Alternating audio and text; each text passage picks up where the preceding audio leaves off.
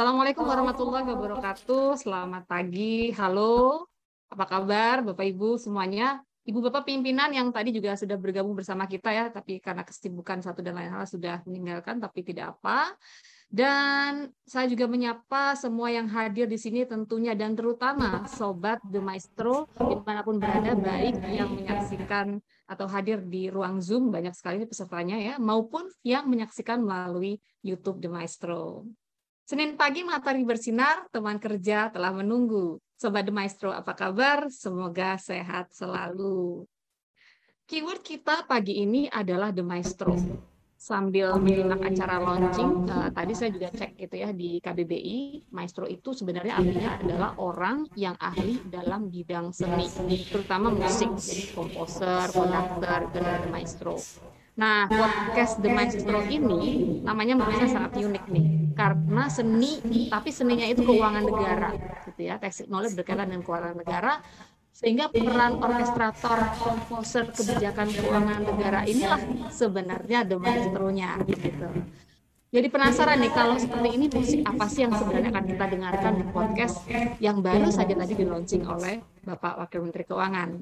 Nah, bersama saya telah hadir seorang tokoh the maestro-nya Kemenkyu ya, yang tentu jika keluarga besar Kemenkyu nggak asing dengan tokoh yang satu ini. Namun saya ingin terlebih dahulu uh, tetap membacakan CV beliau Dokter di bidang ekonomi, dokter di bidang ekonomi pembangunan dan kebijakan fiskal Universitas Gajah Mada ini telah berkarir di berbagai jabatan strategis di Kementerian Keuangan, antara lain staf ahli Menteri Keuangan bidang pengeluaran negara, uh, Dirjen Perimbangan Keuangan, Dirjen Perbendaraan, dan saat ini merupakan menjadi juara anak kerja di BPPK mewarnai perjalanan karir beliau juga pernah mendapatkan amanah menjadi eksekutif director di ADB Manila tahun 2009 sampai dengan 2011 memimpin reformasi birokrasi di Kementerian Keuangan. Nah, kalau ingin tahu tokoh di balik balance scorecardnya Kemenkyu ini beliau yang satu ini nih, termasuk remunerasi kita ya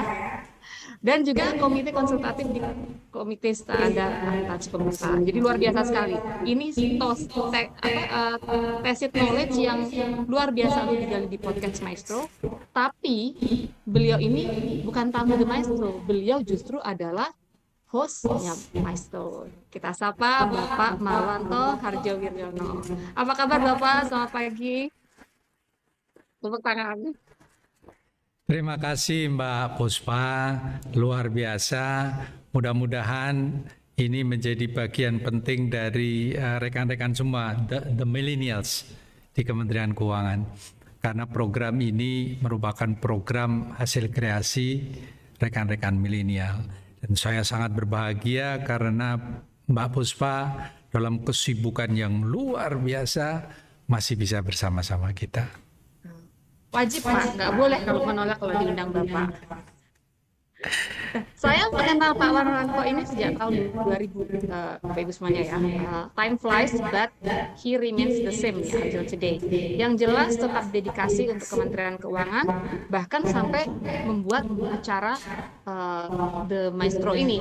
Itu sebabnya kita akan bincang-bincang dengan host kita yang satu ini. Tapi bear in mind ya, ini momen penting sekali buat saya. Kenapa?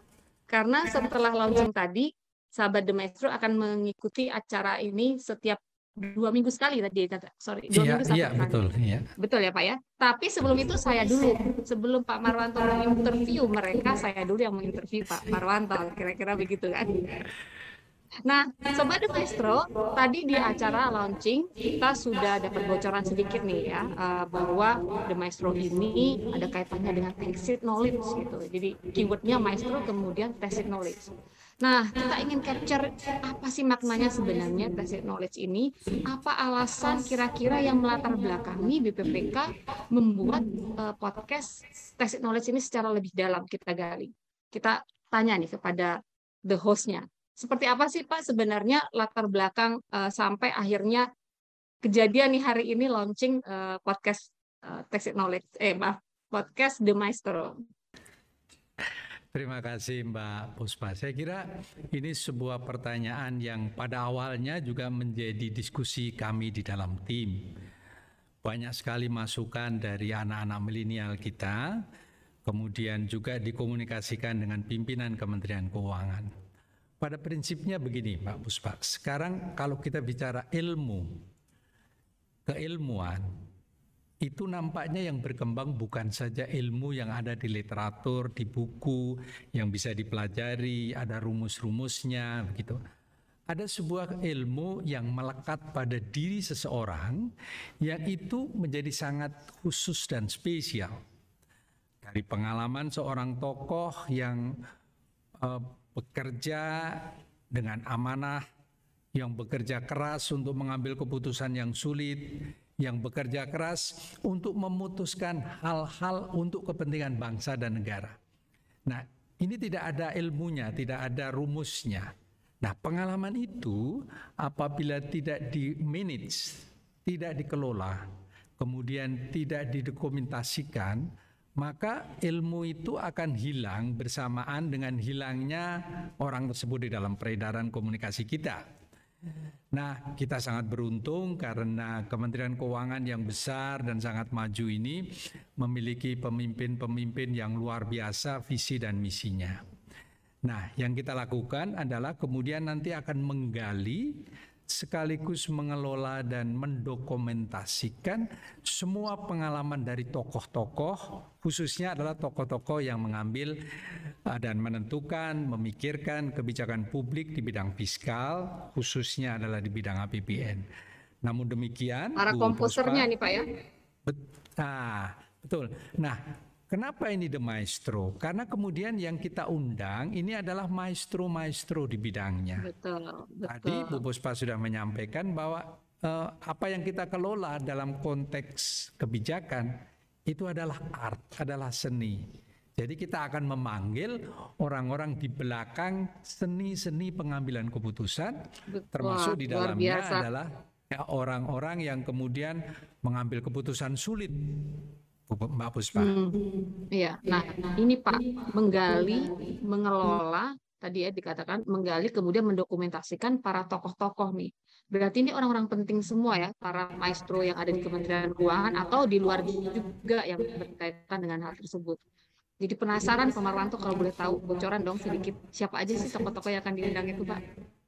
Iya, mudah-mudahan bisa Bu. Memang uh, fokus kita adalah uh, kebijakan publik di bidang uh, fiskal karena itu adalah uh, strength kita.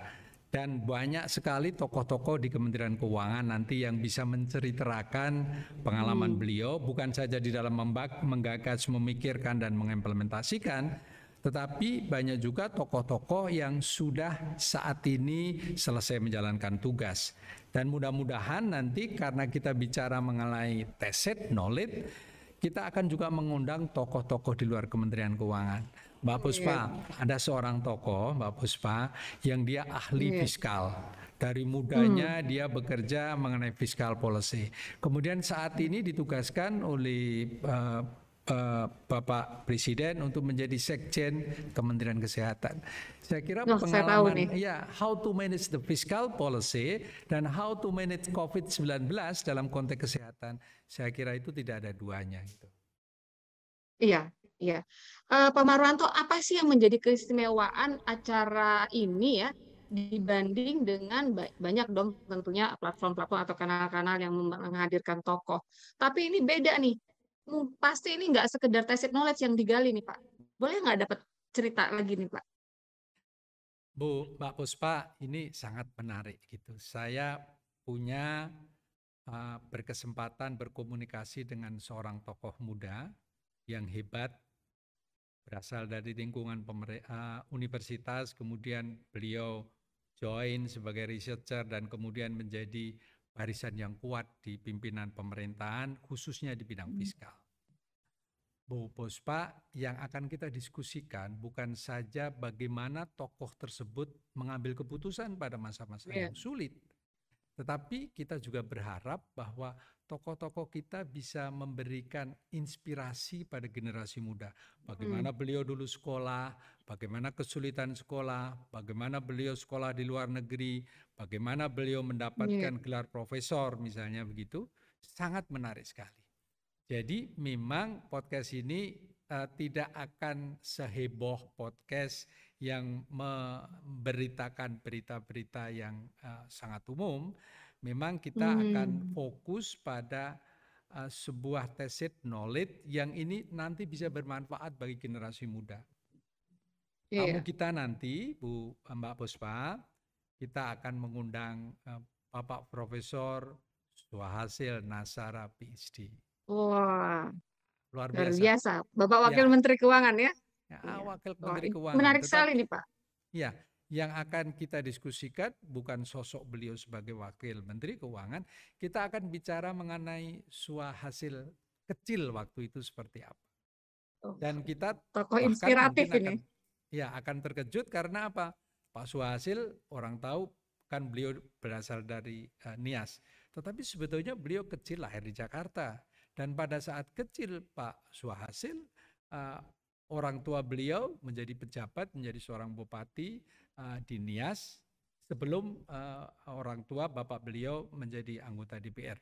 Nah ini sebuah kisah yang menurut saya teman-teman uh, generasi milenial akan bisa mengambil manfaat karena kadang-kadang sekarang ini anak muda kita kalau berpisah dengan orang tua sebentar saja kan merasa sedih, peraniasa. Iya.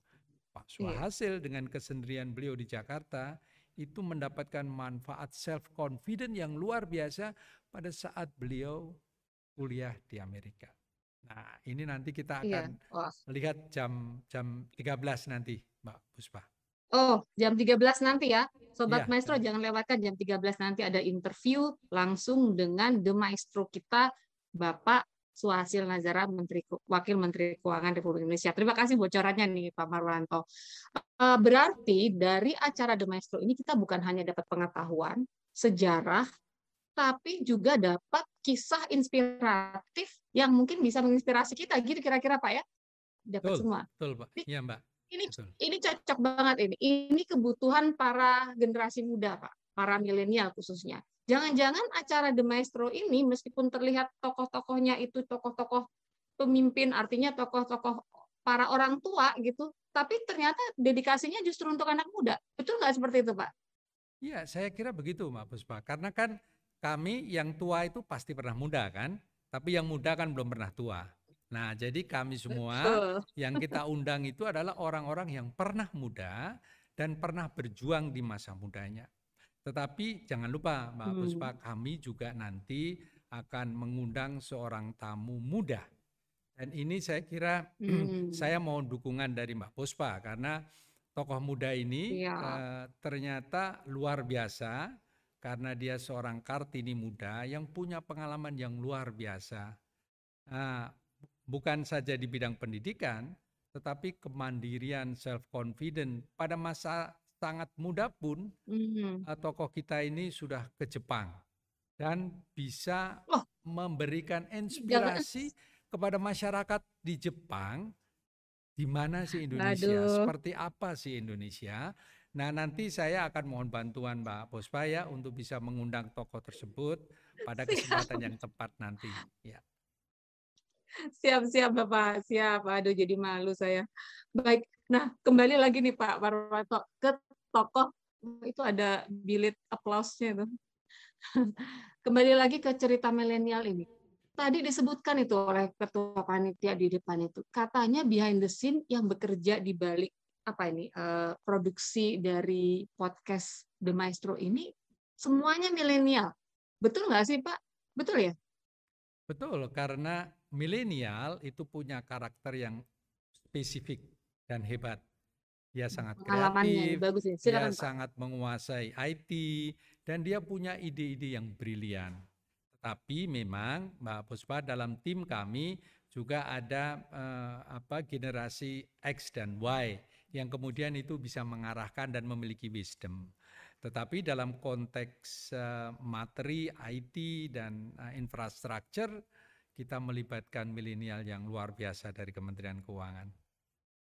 Hmm, Luar biasa. Jadi makin penasaran ini ya. Karena ternyata kemasan dari acara ini yang memikirkan tadi kombinasi kolaborasi antara lintas generasi.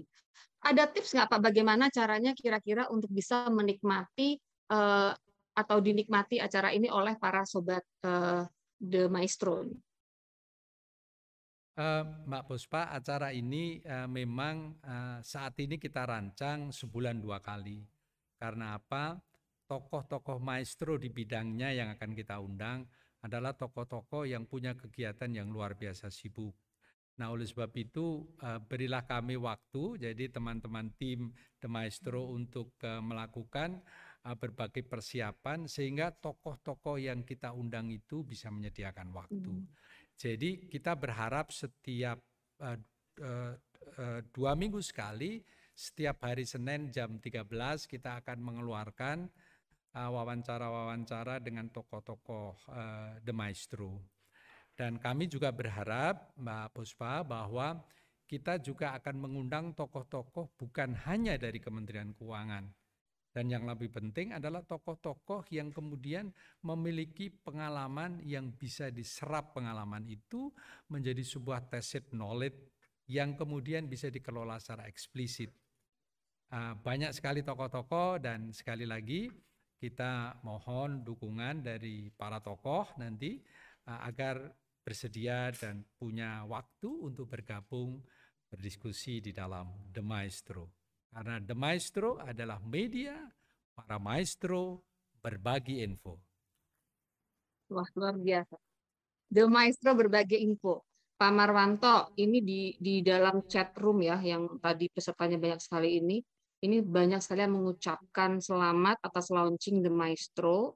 Bahkan ada beberapa uh, memberikan testimoni The Maestro yang merupakan media sosial sosialisasi kekinian di zaman milenial menuju Indonesia tangguh. Wah, luar biasa sekali. Ini sambutannya bagus sekali nih Pak. Teman-teman kalau uh, Sobat The Maestro, kalau ada yang kemudian punya inspirasi ingin disalurkan, boleh ditulis di sini. Boleh kan Pak ya, Mak? Boleh, uh, saya Pak kira Marwanto, kita mengundang. Ya. Ya. Jadi ya, tokoh maestro kita belum tentu harus yang senior, bahkan maestro yang junior yang bisa memberikan inspirasi bagi generasi milenial, sesama milenial akan menjadi sangat in sekali sehingga komunikasi kita yeah. menjadi uh, sangat baik sekali. Demikian Mbak Puspa. Iya. Ya, silakan. Saya kasih kesempatan kalau ada pertanyaan kepada host kita, silakan ditulis di chat ya. Saya nggak undang uh, open mic supaya kita lebih efisien waktu. Monggo kalau mau ditulis untuk menanyakan, mumpung nih, mumpung hostnya ada di sini. Mbak Puspa, Siap. kita minum dulu karena acara kita ini saya nggak dapat kiriman nih Pak. Waduh, nanti kita kirim lima Mbak Puspa. Saya Tapi izinkan saya jelasnya ini, aduh. Tapi saya sambil bacakan ada pantun di sini. Pergi ke Kudus, jangan lupa memesan soto. Duduk di kursi menunggu sambil bercerita. Selamat atas launching The Maestro, kontribusi nyata turut mencerdaskan Indonesia. Wah, luar biasa nih dari ini mah dari tim saya KLI. Rizwan, makasih Mas Rizwan. Uh, apa uh, pantunnya. Baik, saya kembali lagi sambil menunggu pertanyaan dari uh, Sobat Maestro. Saya lanjutkan ke pertanyaan uh, saya untuk Pak Marwanto. Jadi Pak Marwanto kira-kira harapan ke depan ya terhadap acara ini sendiri seperti apa Bapak? Uh, terima, terima kasih Mbak Puspa, uh, uh, Sobat The Maestro. Saya kira uh, kita akan mencoba selalu melakukan komunikasi untuk hal-hal yang terkini. Nah, oleh sebab itu memang kita akan mengambil inspirasi dari pengalaman hidup tokoh maestro, tetapi pada saat yang sama, andai kata ada karen-karen isu yang berkaitan dengan kebijakan publik, khususnya kebijakan fiskal, pelaksanaan APBN, itu akan sangat menarik nanti juga untuk kita tampilkan. Sehingga Ah, Bapak Ibu sekalian, Sobat The Maestro, kadang-kadang ada sebuah kebijakan yang muncul ke publik dengan kesimpang siuran. Nah, kami sangat berharap The Maestro nanti bisa memberikan informasi yang akurat, mengundang pihak yang betul-betul punya informasi yang penuh terhadap kebijakan hmm. tersebut, hmm. sehingga berita yang disampaikan oleh The Maestro adalah berita yang akurat, berita yang betul-betul sesuai dengan uh, perencanaan, berita yang betul-betul sesuai dengan fakta yang ada di lapangan. Mbak ya. Puspa, dengan demikian kita juga berharap ada kombinasi antara tacit knowledge, pengalaman daripada tokoh yang kita undang, pada saat yang sama juga ada sebuah pengalaman tacit knowledge dari leadership. Ya, pengambilan keputusan di masa-masa sulit, genting begitu, yang kemudian itu bisa menjadi proses uh, pembelajaran dari generasi yang akan datang. Dan saya berharap bukan hanya itu saja bagi Bapak Ibu yang sekarang sedang men, uh, memegang uh, tampuk uh, leader gitu di Kementerian Keuangan atau kementerian lain, saya kira pengalaman para pendahulu ya pada masanya kala hmm. itu masih akan sangat bermanfaat untuk informasi bagi Bapak Ibu sekalian how to manage uh, dan bagaimana kita memimpin uh, membangun sebuah kebijakan untuk bangsa dan negara. Iya, luar biasa. Mudah-mudahan ya, mudah-mudahan dilancarkan semua uh, apa uh, harapan tadi. Bapak, ini ternyata ada pertanyaan saya izin bacakan ya. Nanti ngambek kalau di apa nggak dibacakan nih dari DJPB Sulut Ibu Wasti, siapa lengkapnya Ibu Wasti ya? Apakah The Maestro memungkinkan juga untuk menjawab terkait current isu yang viral di masyarakat? Tadi sudah dijelaskan itu bahwa ini bisa menjawab tantangan hoax ya Pak ya. Karena kadang isu-isu seksi yang tabu untuk dibahas di pemerintahan. Nah, ini penting banget. Mungkin saat itu Pak isu utang Pak. Karena orang salah kaprah nih dengan isu utang gitu ya. Jadi perlu sekali ini dijelaskan melalui The Maestro. Kemudian Pak Fadli ini menanyakan nih, Muhammad Fadli, izin bertanya, apakah jika mengikuti acara podcast The Maestro ini akan menambah nilai angka kredit khususnya untuk fungsional keuangan? Silakan Pak Marwanto. Iya. Ini langsung eh. cerdas ini Mas Fadli ini. Terima kasih Mbak Puspa, eh, rekan-rekan sahabat The Maestro, Mbak Siswi dan eh, rekan-rekan. Pertama, sebetulnya kita justru sangat berharap karena ini juga menjadi bagian daripada kepentingan pimpinan Kementerian, Kementerian Keuangan bahwa manakala ada berita yang simpang siur maka kami The Maestro uh, memiliki kesempatan untuk mengundang ahlinya dan karena kami di Kementerian Keuangan kami uh, punya keyakinan bahwa uh, segala peraturan yang digagas dan digodok di Kementerian Keuangan dalam bentuk instrumen fiskal pasti akan bisa di-share dalam proporsi yang tepat.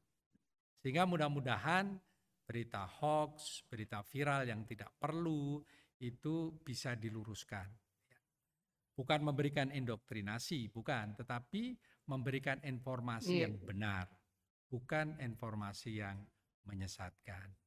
Nah, pertanyaan yang kedua yang berkaitan dengan nilai kredit, saya kira acara ini akan dikemas sedemikian rupa sehingga secara keilmuan kita semua mendapatkan informasi, bisa menyerap pengalaman dari tokoh-tokoh yang kita undang. Tetapi pada saat yang sama, panitia juga sedang memikirkan bagaimana agar topik-topik yang dibahas itu bisa menjadi bagian yang sangat penting untuk meningkatkan kinerja, untuk meningkatkan wawasan, untuk meningkatkan kompetensi Bapak Ibu di jabatan fungsional dan itu pasti bisa dilaporkan sebagai kum eh, kredit. Tunggu saja tanggal mainnya kita sedang bekerja untuk itu, tetapi tidak eh, terlalu sulit ya untuk uh, memberikan sebuah bukti bahwa Anda sudah melakukan pembahasan atas topik-topik tertentu yang menjadi topik uh, hmm. pembahasan pada saat itu. Demikian Mbak iya. Puspa. Baik, uh, Pak Marwanto, ini saya ini harus dibacakan ini Pak, karena di, genuine ditujukan untuk The Maestro. Ada lanjutannya ternyata pantunnya tadi itu. Mana tadi kok kelewatan? Sedari Kudus membeli soto, soto dibungkus pakai kuah. Selamat atas launching The Maestro, semoga sukses dan makin wah itu Pak. Harapannya makin wah ini Pak. Cakep, cakep, cakep. Keren cakep. banget, terima kasih ya. Waduh, ini komentarnya bagus-bagus dan ekspektasinya luar biasa dari uh, saya mau nyebut netizen ini adanya di Zoomer ya. Jadi para Zoomer yang sobat Maestro Uh, ada lagi yang menyampaikan usulan agar pelaku keuangan dari negara-negara luar negeri diundang juga sebagai bahan komparasi dalam pengelolaan keuangan negara. Wah luar biasa nih idenya. Uh, jadi tamunya katanya termasuk yang dari mancanegara nih Pak Marwanto. Oke, Saya kira itu ide yang sangat bagus dan tidak harus orang yang berbahasa bule. Banyak sekali tokoh-tokoh kita ini yang sudah bekerja dan berpengalaman di luar negeri. Mohon maaf, ya iya. bukan sombong. Saya pernah bekerja di ADB Manila dua tahun ya. Hmm. Kemudian ada tokoh lain yang sudah bekerja di luar negeri puluhan tahun. Jadi kita bisa undang. Tetapi memang saya sependapat bahwa uh, pada saat yang tepat nanti kita bisa mengundang tokoh dari Bank Dunia, tokoh dari Jepang, tokoh dari Korea hmm. yang sesuai dengan uh, topiknya dan kemudian nanti ada interpreter yang kemudian bisa membantu kita untuk uh, melakukan komunikasi uh, yang lebih lancar. Hmm, luar biasa. Saya juga apa uh, menanti-nanti nanti nih Pak pasti sangat menarik tokoh-tokohnya. Dari Kantah Kabupaten Bekasi, Sukses selalu dan terus berkepanjangan disertai mengundang para narasumber yang kompeten dan Ibu Menteri Keuangan sebagai narasumber. Jadi ekspektasinya Ibu Menteri juga diundang nih Pak, ya. karena uh, beliau uh, sebagai narasumber uh, acara ini pasti sangat banyak uh, dan sangat bisa menginspirasi. Pasti dicatat ya, ya Pak Maranta ya. Ya, saya kira bagus Mbak Puspa dan saya kira pemirsa sudah tahu bahwa kalau Bu Menteri sedang bicara di publik, di sampingnya pasti ada Bu Puspa. Karena she is the spokesman of the Ministry of Finance the Republic of Indonesia. Jadi sekaligus yeah. kita mempropos pada Bu Puspa, mohon nanti apabila berkenan dicarikan waktu yang tepat untuk mengundang Insya Allah. Indrawati. Siap, Insya Allah. Baik, ini waktunya uh, apa uh, mepet sekali. Tapi kalau boleh satu lagi Pak saya bacakan dari Bu Dani atau Pak Dani ini ya namanya mohon maaf di chat itu nggak lengkap gitu. Jadi saya baca Pak Bu atau Bu Dani. Ide yang dan konsep yang baik dan menarik Selanjutnya, kami berharap agar eksekusinya juga baik dilaksanakan secara konsisten selama jadwal, sesuai jadwal dua minggu sekali dengan bintang tamu dan tokoh yang variatif. Nah, beberapa usulannya nih Pak Marwanto. Pertama, untuk variasi acara bisa dikomunikasikan sesekali menghadirkan co-host podcast dari internal milenial Kemenq dan juga uh, podcaster yang sudah eksis dari kalangan selebriti. Jadi minta Pak Marwanto di pair nih Pak. Oke juga nih gitu ya. Bukan karena bosan sama Pak Marwanto, bukan.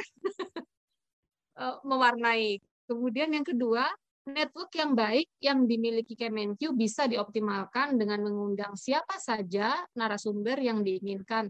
Misalnya tadi Bu Menteri dan menteri lain di kabinet yang juga tokoh nasional, artis bahkan atlet berprestasi. Wah, betul juga nih Pak, kan atlet itu dibiayai oleh APBN juga untuk berangkatnya, jadi perlu juga diundang. Dan yang terakhir, untuk lebih meningkatkan engagement audience, bisa diberikan hadiah giveaway bagi yang menyebarluaskan podcast ini secara masif sehingga semakin banyak yang bisa menyaksikan. Wah, luar biasa idenya diterima kan Pak ya? Ya, saya kira itu ide yang sangat bagus dan saya kira kita tidak bisa menolak. Itu sebuah penghargaan bagi The Maestro dan itu akan menjadi catatan dan akan diimplementasikan. Tetapi saya kira tanpa support Sobat The Maestro, kita tidak akan bisa berkembang di masa depan. Jadi mohon tetap support dukungannya dan silahkan menyampaikan berbagai gagasan dan usulan di media yang sudah kita siapkan dan kita akan berusaha untuk berbuat yang terbaik untuk Sobat The Maestro. Iya, luar biasa. Oke, itu tadi uh, Sobat The Maestro. Uh, menarik sekali ya perbincangan kita dengan host kita. Uh, masih ada satu testimoni yang mengatakan The Maestro ini ide brilian Bapak Marwanto mengelola keuangan negara dengan gaya netizen dengan gaya milenial. Jadi sukses selalu buat The Maestro dan untuk The Maestro Pak Marwanto dalam mengajar dengan gaya yang modern. Nah, Sobat The Maestro, sebelum sebelum kita menutup diskusi ini ada masih ada beberapa surprise dan sebelumnya mari kita saksikan persembahan spesial yang akan lewat uh, sesaat lagi. Silakan uh, panitia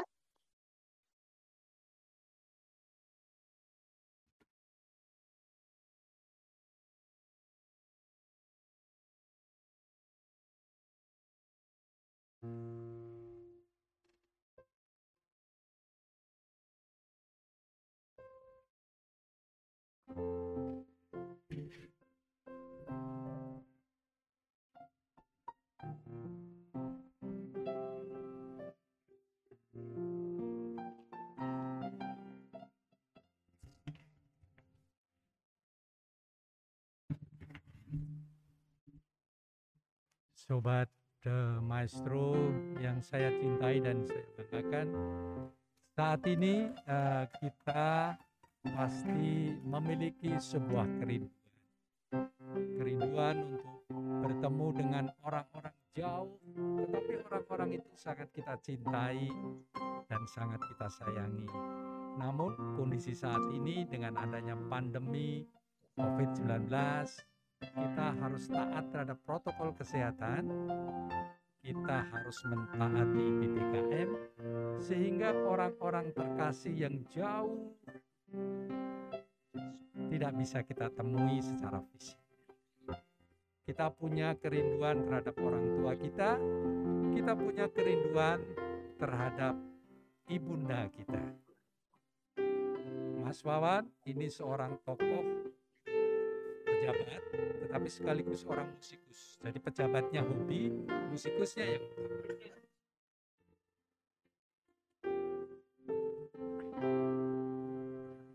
Berapa puluh tahun lalu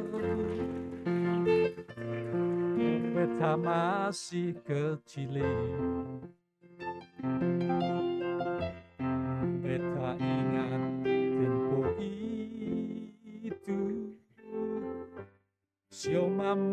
dong gen dong betai sambil mama bakar sang mama menyanyi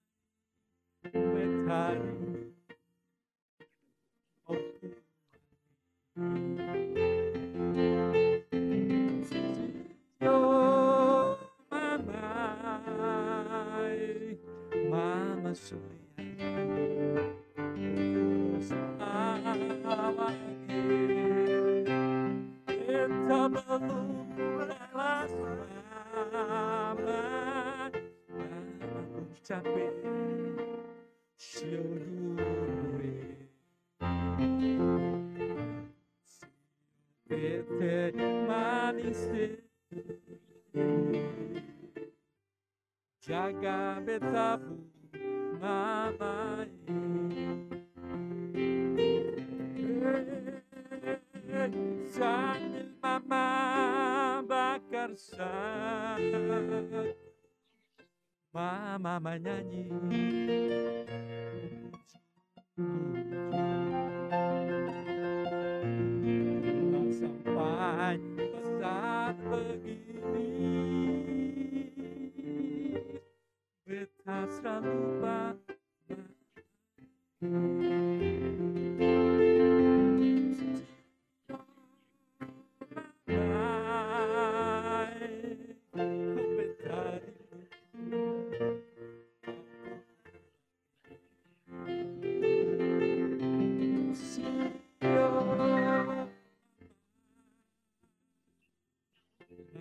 Sulihat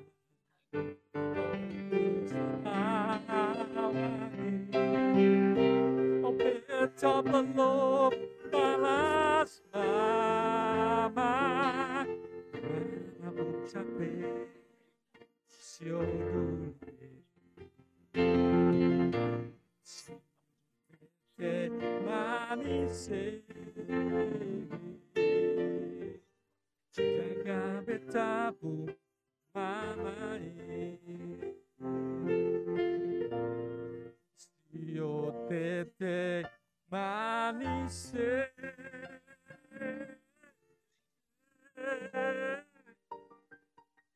Jaga betabu mama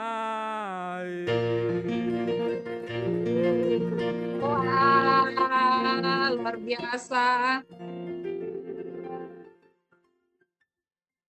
Terima kasih. Wah. Terima kasih. Keren banget. Duo yang luar biasa nih. Saya speechless loh ini Pak Marwanto. Bapak tadi bukan lip sync kan Pak ya? Maranto langsung ke suaranya ya. Rasa nggak percaya nih Pak, karena 21 tahun kenal Bapak, tapi baru ini saya lihat Pak Maranto pegang mic yang bukan pidato atau bukan kasih arahan nih Pak, tapi nyanyi. Sobat Maestro juga pasti sepakat keren banget tadi. Makasih Mas Wawan, keren banget iringannya. Saya saya belum pernah sekali-kali saya boleh dong diiringin. Uh, terima kasih Bapak tadi sangat menghibur dan luar biasa sekali suaranya ya. Apalagi lagu yang dibawakannya lagu Ambon ya. Jadi apa tokoh-tokoh kita ternyata juga luar biasa mengangkat pilih lagu justru lagu dari daerah. Terima kasih Bapak. Nah, Sobat Maestro The Maestro, uh, sebelum saya mengakhiri talk show ini, masih ada satu rangkaian acara yang sangat istimewa juga, yaitu testimoni dari uh, mystery guest ya, mystery guest star kita yang sudah dihadirkan ada dua ini. Nah, para uh, mystery guest ini akan memberikan testimoni mengenai Bapak Marwanto, tapi katanya rahasia. Jadi dari kemarin saya tanya siapa, saya nggak dikasih bocoran nih. Gitu ya. Jadi ayo kita sambut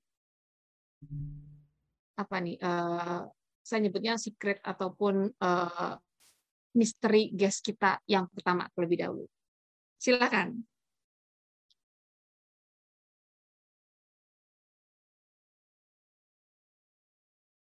Bis misterius sudah selesai. Pak Marantonya juga kayaknya nggak tahu nih. Oh. Terima kasih Pak Adi, luar biasa ini Pak Adi. Silakan Bapak. Ah, masih Suaranya belum masuk. Pak teman panitia tolong dibantu. Selamat pagi Pak Marwanto. Selamat pagi Bu Puspa. Selamat pagi Pak. Selamat Pak atas launching podcastnya yang luar biasa. Dan sesuai dengan judul buku ini juga Pak, Maestro Simfoni Perbendaraan. Bapak adalah maestro eh, perbendaraan yang diakui seluruh jajaran Kementerian Keuangan ini, Pak.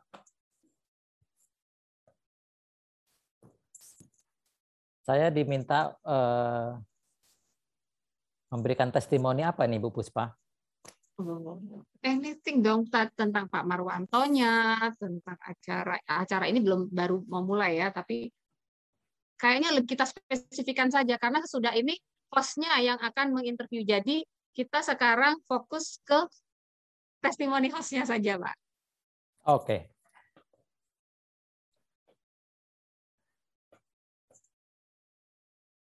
Uh, saya bicara tentang Pak Marwanto ya, Pak ya. Siap. Oke. Uh, di buku ini karena saya menulis saya ber, saya merasa beruntung sekali bisa menulis buku biografi profesional Bapak Marwanto Harjo Wiryono. Beliau meninggalkan banyak legacy di Kementerian Keuangan. Dan saya baru mengetahui betapa luar biasanya Bapak Marwanto ini. Beliau adalah Ketua Pelaksana Harian Tim Reformasi Birokrasi Kementerian Keuangan yang telah mengubah banyak hal struktur organisasi dan segala hal di Kementerian Keuangan. Ya selain Direktur Eksekutif Asian Development Bank, juga Dirjen Perimbangan Keuangan dan paling fenomenal tuh enam tahun di Dirjen Perbendaharaan ya Pak ya. Dan jauh sebelum itu Pak Moranto sosok di balik layar penyusunan APBN pada masa krisis Asia. Nah kalau menurut saya sih selain mendengarkan podcast ini, generasi muda Kementerian Keuangan itu juga perlu membaca buku biografi Pak Marwanto Harjo Wiryono. Uh, saya ditanya, bagaimana saya bisa mengenal Pak Marwanto? Yaitu diawali eh, jumpa virtual akhir April, ya saya dihubungi oleh pihak BPPK. Kemudian kita diskusi dan kemudian mulai mewawancarai Pak Marwanto pertengahan Mei tahun lalu ya 2020 sampai September 2020. dengan mewawancarai 50 narasumber termasuk Ibu Menteri Sri Mulyani 17 pejabat eselon 1 tiga mantan dirjen, 19 pejabat eselon 2 dan eselon 3 Kementerian Keuangan yang memiliki hubungan kerja di masa lalu yang mengenal gaya kepemimpinan Pak Marwanto.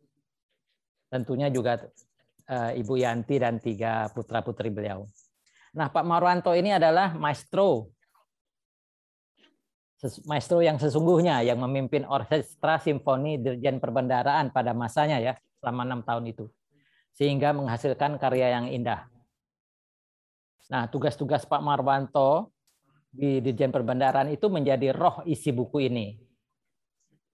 Selain reformasi eh, tokoh di balik layar birokra, eh, reformasi birokrasi juga adalah legenda perbendaharaan.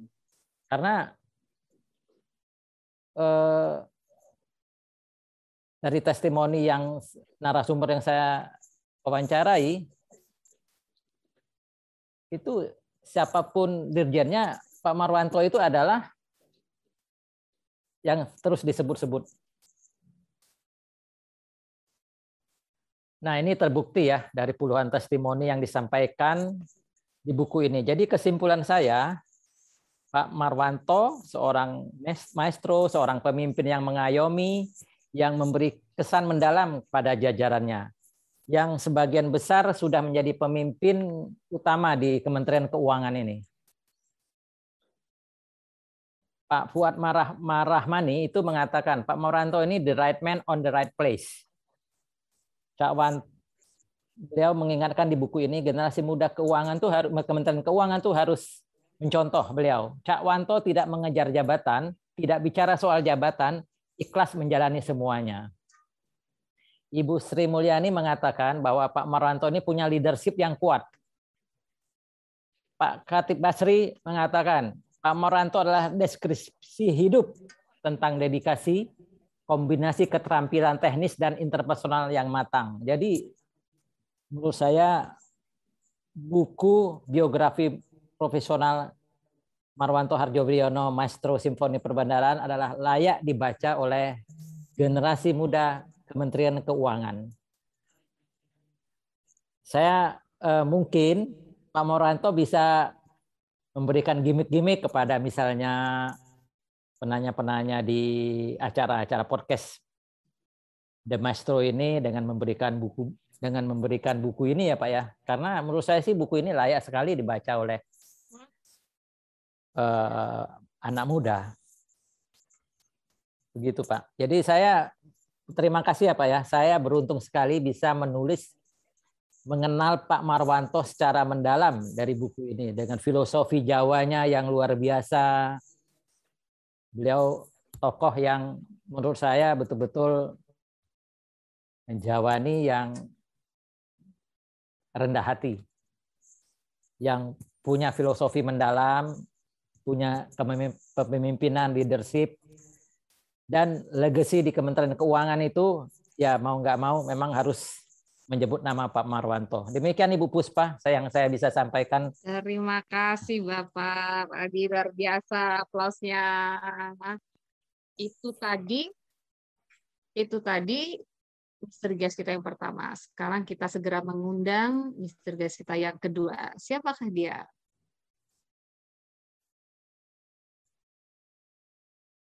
Saya juga penasaran misalnya Pak Marwanto saya nggak tahu. Bu Puspa sambil Beliau ya. adalah Tedeng, deng. Mana nih? Sambil menunggu ya Bu Puspa yang saya pasti terkejut ini karena saya memang belum di saya di ada Pak Adi pun saya sangat terkejut. Terima kasih Pak Adi. Uh, saya mengenal Pak Adi. Oh. Itu dia. Tepuk tangan untuk Ibu Yanti Marwanto. Ini dia nih. Ini pasti nggak janjian kan, Pak? Nggak janjian ini. Mestinya panitia harus anu dong, me, apa ada uang keterkejutan ini. Oke. Okay.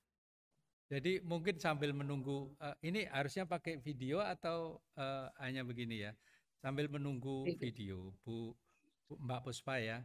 Jadi saya ketemu Pak Adi itu karena waktu itu saya mendapat tugas dari pimpinan bahwa saya harus mencerit membuat sebuah cerita tesit knowledge selama saya hmm. melaksanakan tugas di Kementerian Keuangan. Dan saya sangat beruntung karena uh, berbicara dengan Pak uh, Adi, Pak Robert Adi ini uh, bagaikan bicara dengan seorang betul-betul seorang pendongeng yang luar biasa. Jadi bisa storyteller ya, Pak. Ya, menerjemahkan setiap kata-kata dalam sebuah alur yang sangat luar biasa.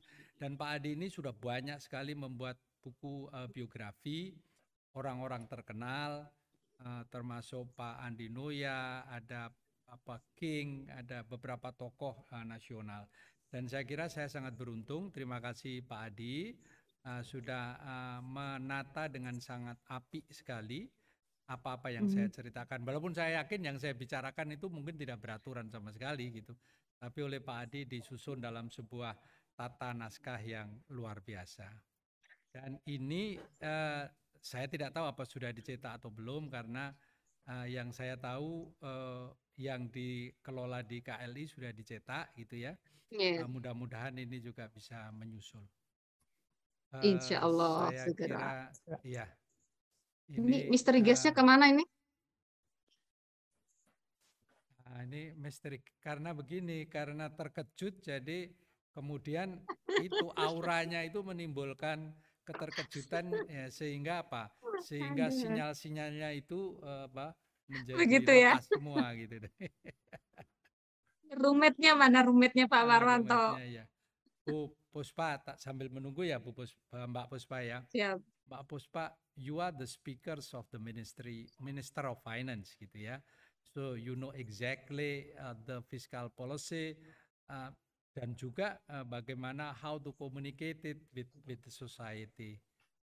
Kalau yeah. menurut Mbak Puspa, The Maestro di mata Mbak Puspa gitu ya, kira-kira seperti apa? Oke, wah ini saya ditanya. Kalau menurut saya nih Pak ya, ini genuine ini. Uh, kehadiran The Maestro ini akan mengisi gap, Pak. Mengisi gap. Kenapa? Karena sejarah itu berjalan, ya kan, dan sangat cepat, sangat eratik dengan kondisi, gitu, dinamis sekali, sehingga ke mana dia e, mengarah itu clear. Tapi dari mana dia berangkat dan apa hasbabun nuzul dari setiap kebijakan itu bisa jadi dilewatkan.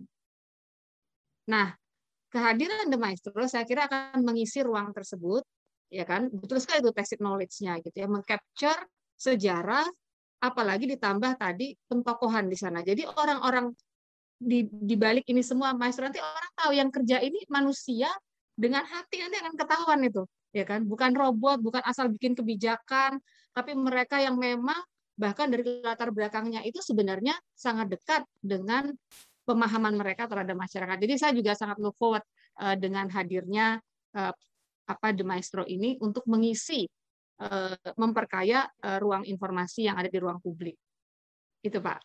Ya terima kasih Mbak Puspa. Itu saya rasakan Mbak Puspa karena nanti pada episode kedua saya kira uh, Sobat Maestro akan mendengar sebuah kisah bagaimana kebijakan fiskal didesain pada saat uh, kita menghadapi COVID-19.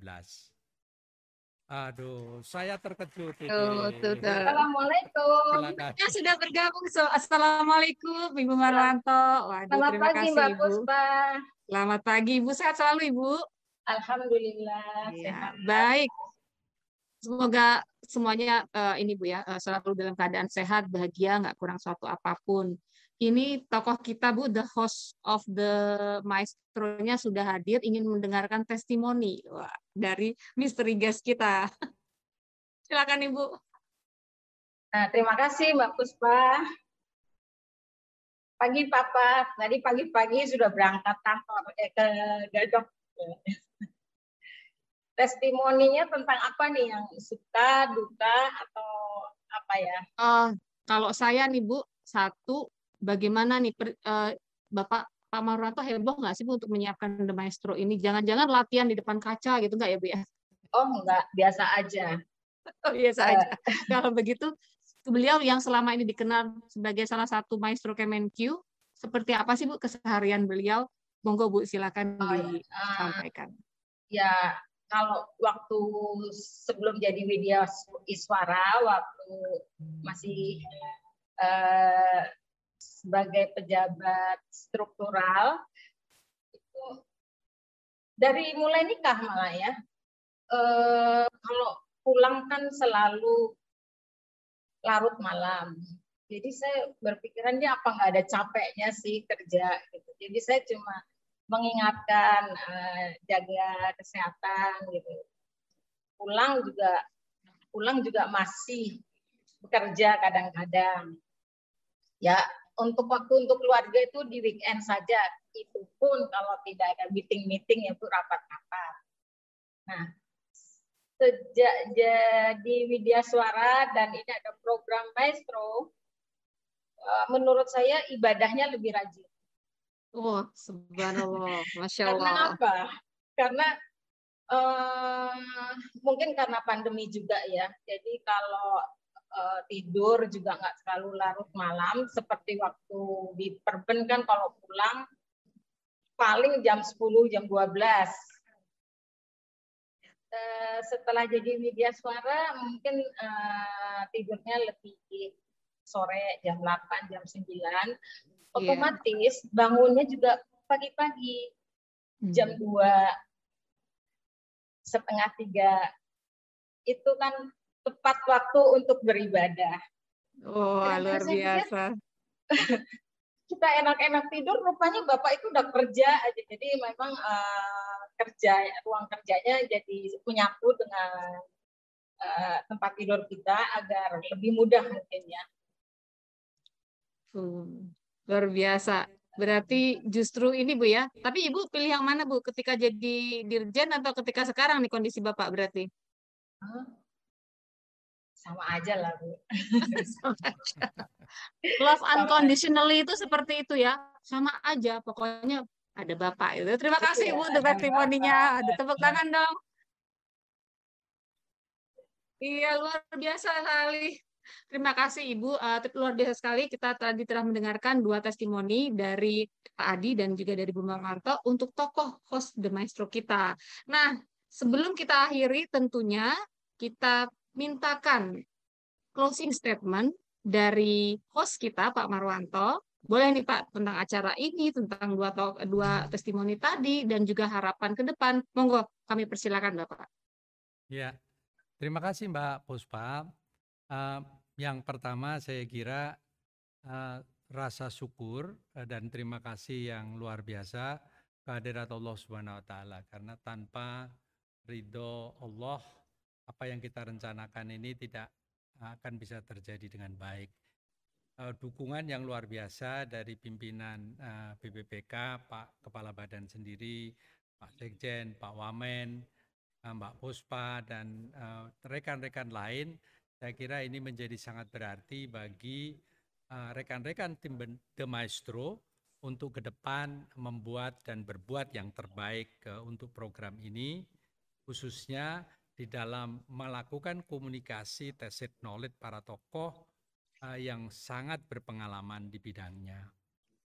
Saya mengucapkan terima kasih juga uh, pada uh, bintang tamu tadi, uh, Mystery Guest, uh, Pak Adi. Saya kira uh, apa yang uh, dilakukan oleh Pak Adi uh, telah menjadi bagian dan mengukir uh, sejarah dan pengalaman saya. Karena saya tidak pernah terpikirkan bahwa ada sebuah kisah yang bisa ditulis dengan cukup apik ya, dengan cukup enak untuk dibaca, bagaikan sebuah cerita uh, uh, novel begitu ya, dan itu keahlian Pak uh, Rope tadi saya kira. So congratulations and thanks a lot uh, for all of your support.